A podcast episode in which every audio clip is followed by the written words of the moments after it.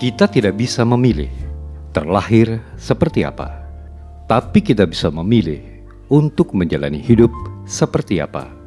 Perbedaan sudah menjadi kodrat manusia, dan Pancasila telah mempersatukan kita semua.